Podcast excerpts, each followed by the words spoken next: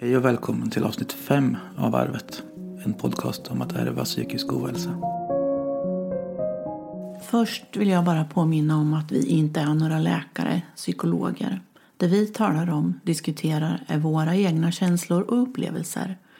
Den mer seriösa informationen vi delar är direkt tagen från 1177 eller andra sidor om medicin. Men då anger vi källan. Tack för att ni lyssnar. Hej mamma! Hej Dennis! Hur är läget? Det är bra.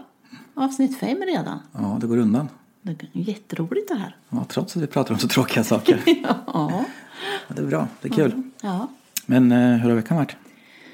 Den här veckan har jag gjort massa saker egentligen. Ehm, först var min man sjuk och hemma hela förra veckan. Lilla Eh, gubben. det är väldigt tråkigt att se inom honom när han är sjuk. Men eh, om jag får vara självisk så tycker jag ju om när han är hemma. Och när han är frisk och hemma och tar semester en vecka då vill han göra massa saker. För att han är ju frisk, han orkar ju det. Jobbig jävel. Ja, jättejobbigt. Vi ska åka på massa saker och vi ska, han ska snickra och han ska greja.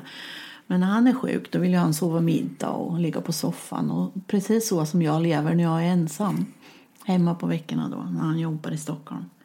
Så att den här veckan har varit jätteskön. Skönt. Vi har varit på samma, i min normala värld. Samma tempo. två. Ja. Ehm, det har hänt lite med mitt skrivande också. Jag har haft en skrivcoach i eh, hela november. Som jag skickade in till en tävling som jag inte vann. Men hon valde mitt eh, stycke jag hade skickat in för hon tyckte att det var väldigt bra. Och sen har hon gått igenom det och jag har fått respons. Både bra och negativ. Vilket jag tycker är jättebra. För kreativ kritik, det växer man ju är av. jättekul. Men det är svårt att ta det där andra. Ja, men att jag har tyckt att det har varit jättebra. Det har varit jätteroligt. Och jag tycker att jag har lärt mig jättemycket av henne. Marita Brännvall eh, jobbar på Lunds universitet och som lektör. Jätteduktig tjej. Det är spännande. Sen har jag också gjort färdigt en novell som jag har skickat in och som har blivit färdig och till 99 procent blir antagen till en bok som kommer ut till Bokmässan nästa Ja, det år. är jättekul. Den har jag ju fått höra. Den är helt fantastisk. Mm, tack. Boken heter eh, Döttrar utan mödrar och det är 30 kvinnor som har skrivit sin berättelse om hur det är när ens mamma går bort Det blir en hit.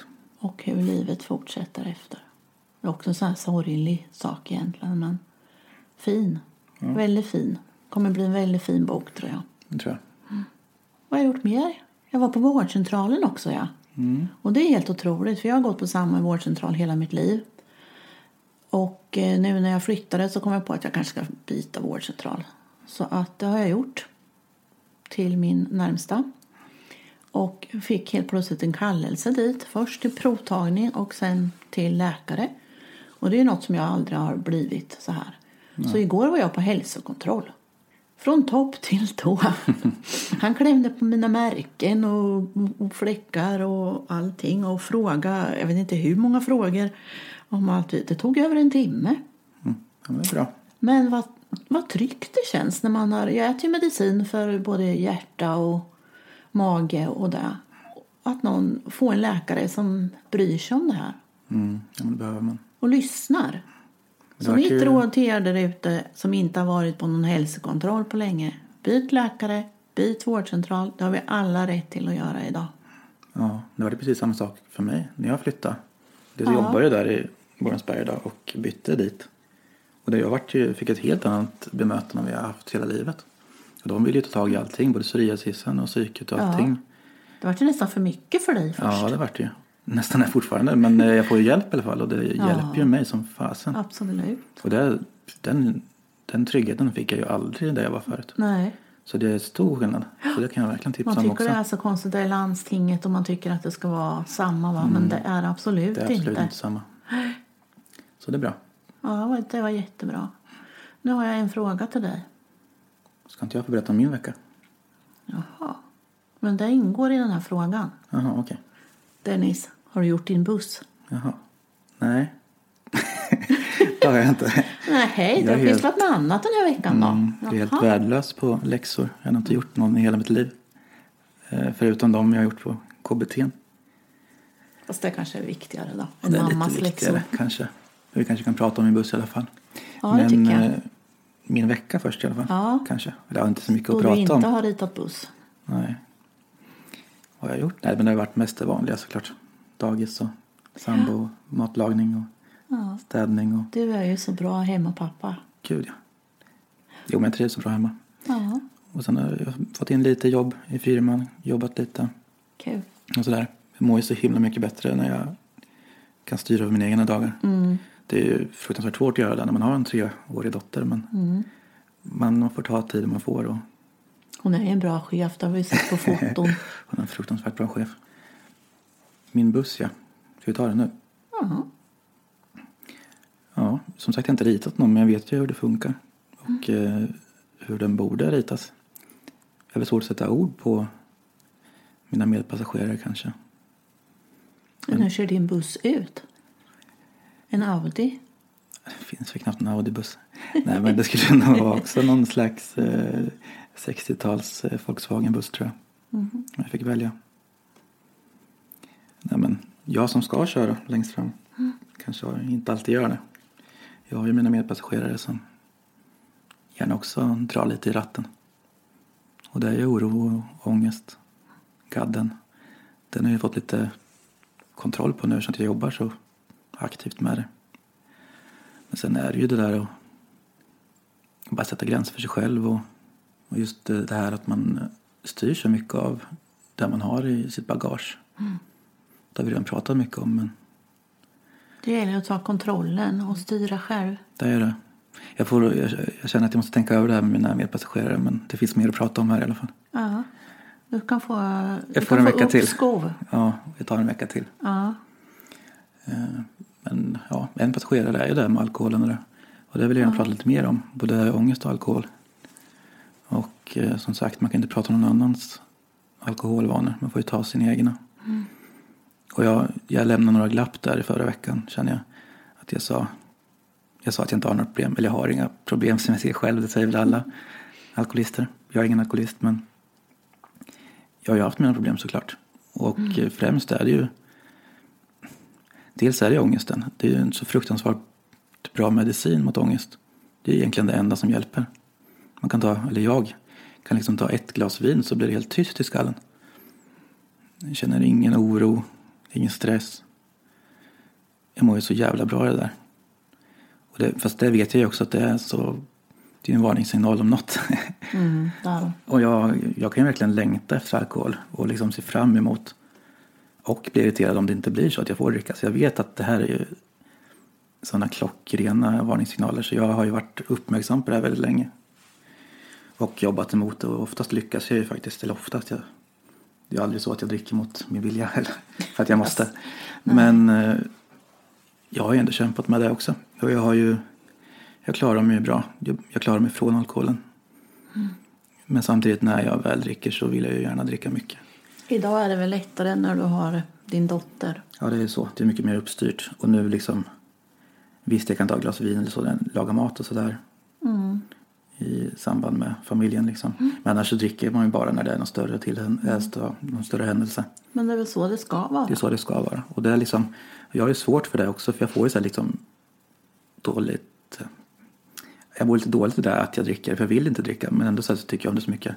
Och det är helt normalt. Men jag får lite skuldkänsla ändå, även fast jag bara åker iväg på en fest. Och det ska man inte behöva ha. Men det är bra också. För det håller mig i schakt liksom. Fast där får ju jag också. Även om jag tar ett glas vin på fredagen tillsammans med min man till maten. Så får jag ändå dåligt samvete att Mm. Jag dricker konstigt. så mycket som jag har skällt på. Mm. Men det ligger någon viss skam i. Men det ligger väl också lite i vår historia och allting. Ja, Att det blir att den där en skammen är så stor ihop med alkohol. Ja, det är det. Men Ändå då- säger de ju att man ska kunna dricka liksom ett, två glas vin per dag. Mm. Och det är, liksom, det är ju mycket som helst enligt min norm. Ja, så är det. Absolut. Sen vi delar en flaska vin en fredagkväll och någon gång kanske det blir en slatt över som jag kanske tar på tisdagen för jag äter pasta då och tycker att det är gott med ett glas rödvin till. Men mer blir det ju inte. Och ändå går man där med den där skammen. Ja, det är konstigt. Det, vi är ju liksom helt normala i vårt drickande egentligen. Och jag försöker verkligen hålla hårt på det där med veckorna. Det är klart. Och sen tycker man, då kör jag liksom samma ursäkter som man själv fått höra. Att man har semester, man är ledig mitt i veckan då med världen. Men jag, jag kan ju bara, även om jag kan känna skam så kan jag tycka att det, det är så också.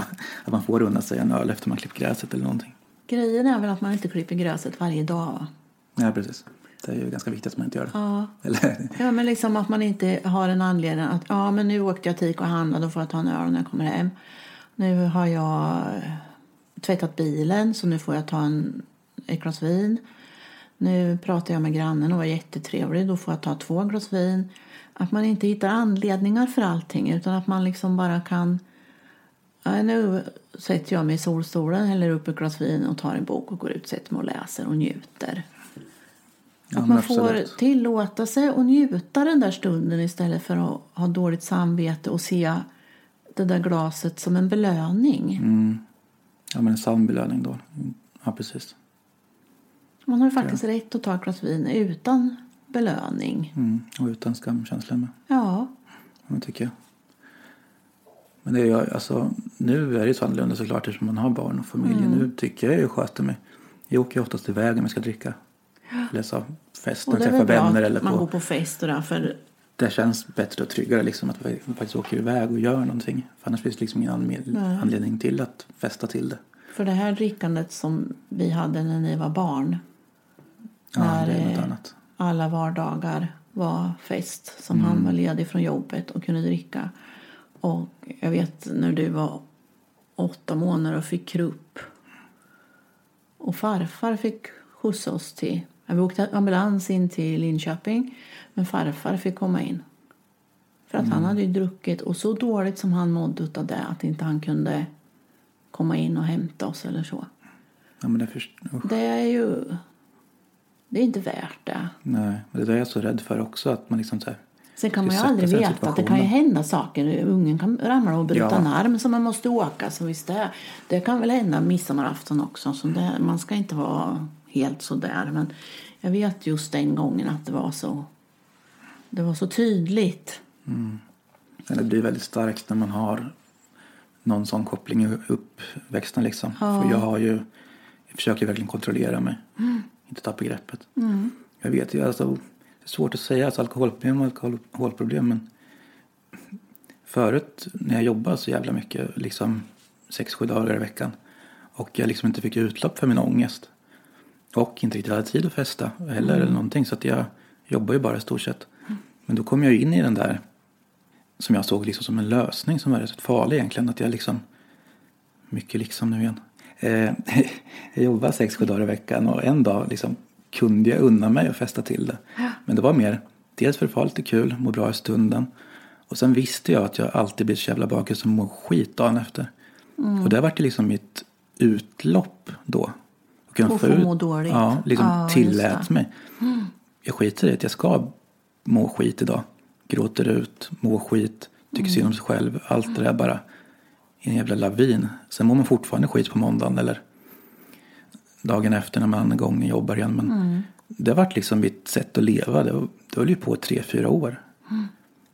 Och, och jag såg väl inget konstigt i det där. Men jag visste bara om att det var så. Att, Det har varit en vardag där med. Ja, det har varit min, mitt Normalt. sätt att liksom handskas med det. Då fick jag ur mina demoner en gång i veckan. Samtidigt som jag fick lite roligt. Och sen ta tag i det Om som var viktigt ihåg igen. där ja. Ja. Mm. Men jag visste att det bara var så. Och det är väl också, alltså det, det är inte ett sunt levande. Men det var ju mer, det var ju min ångest, min oro. Innan jag liksom kunde få någon ordentlig behandling för det. Precis. Och det är ju det. Det vore så jävla lätt att trilla dit. Skulle kunna vara full varenda dag och må bra av det. Ja. Det här är som skillnad också för en person som har den här alkogenen Mm. och den personen som inte har alkogenen. Tror det med. Det är svårt att förklara liksom. Jag har ju inte den här alkogenen. Och eh, kommer du ihåg när jag skilde mig andra gången? Och du och dina vänner flyttade nästan in hos mig. Ja, precis. Då var väl jag i en sån där litet sko av ångest och alkohol. Ja. Det kom och jag ibland. hade ju väldigt ångest och var Inte för att jag hade blivit själv, för det tyckte jag var helt fantastiskt. För det var ju det bästa som hade hänt den dagen han flyttade. Men efteråt sen, jag tror det höll på kanske i tre veckor som ni bodde hos mig och, och Ja, det var festade. mycket. Och vi satt, det var så fint väder. Vi satt på en altan och, och det var någon tjej med som hade en gitarr och spelade och sjöng Mm. om kvällarna. Och vi grillade mat och åt och drack vin och allt. Ja, det var all aldrig- sprit vi hade i Det var huset. något... Det var ju bara fest och var- roligt. Det var ingen ångest och destruktivt Nej, så. det var jättetrevligt. Och jag var ju liksom Dennis mamma och hans vänner flyttade in. Mina Mm. 28-åringar kallar de ju för fortfarande. Mm. Men sen när jag kom till min kurator igen och berättade om det här och sa att jag hade skilt mig och att eh, ni hade bott hos mig och det hade varit så här. Då sa hon, det här tror jag var bra för dig. Det här var ditt sätt att släppa den här ventilen. Och släppa ut alla det här. Jag hade gått på toa så länge och varit tyst så länge. Och så fick jag släppa ut alltihopa på en gång. Ja, det var nog bra. Man Och- behöver det där. Eftersom jag inte har den här alkoholgenen så fanns det ingen fara för mig att vara så här i tre veckor. Nej. Nej, precis. Så att det var, och när det var, de här tre veckorna var klara och jag var, det var bra, så var det ju bra sen. Ja. Ja, Och jag vara- tror att roligt. ni tyckte att det var bra med. Vi Absolut. pratade mycket gjorde vi. Ja, ibland lite för mycket. Jag tror att eh, dina vänner också tyckte att det var, Jo, men det vet jag. Absolut. att det var roligt. Det var jätteroligt. tid. Mm. Jag känner att jag går lite i cirklar om det här med... Jag vet inte riktigt vad jag ska komma till. Nej. Men det är det i alla fall. Att jag får vara på helspänn och hålla koll på mig själv. För jag är ju livrädd för att hamna där. Men jag har ju lyckats så här långt så att jag tror det är ganska lugnt.